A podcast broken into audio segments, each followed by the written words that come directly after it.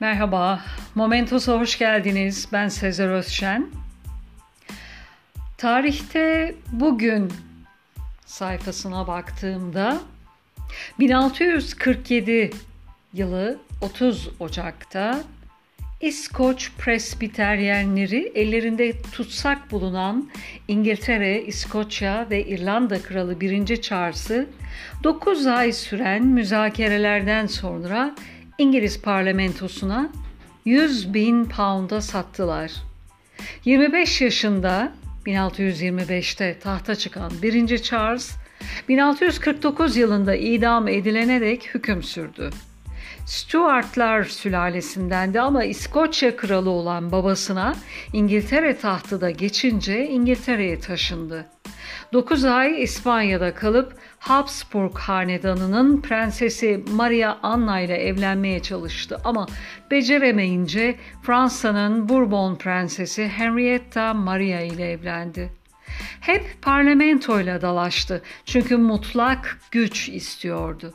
Savaşlardan vergilere her türlü konuda kendi bildiğini okuyup milletin kafasının tasını attırdı. Bir Katolikle evli olması ve İngiliz kilisesini desteklemesi de yenilikçilerin, Puritanların, İskoçların ve Protestanların kafasını bozdu. İskoçya ve İngiltere parlamentosunun ordularıyla savaştığı iç savaşı kaybedip İskoçlara teslim oldu.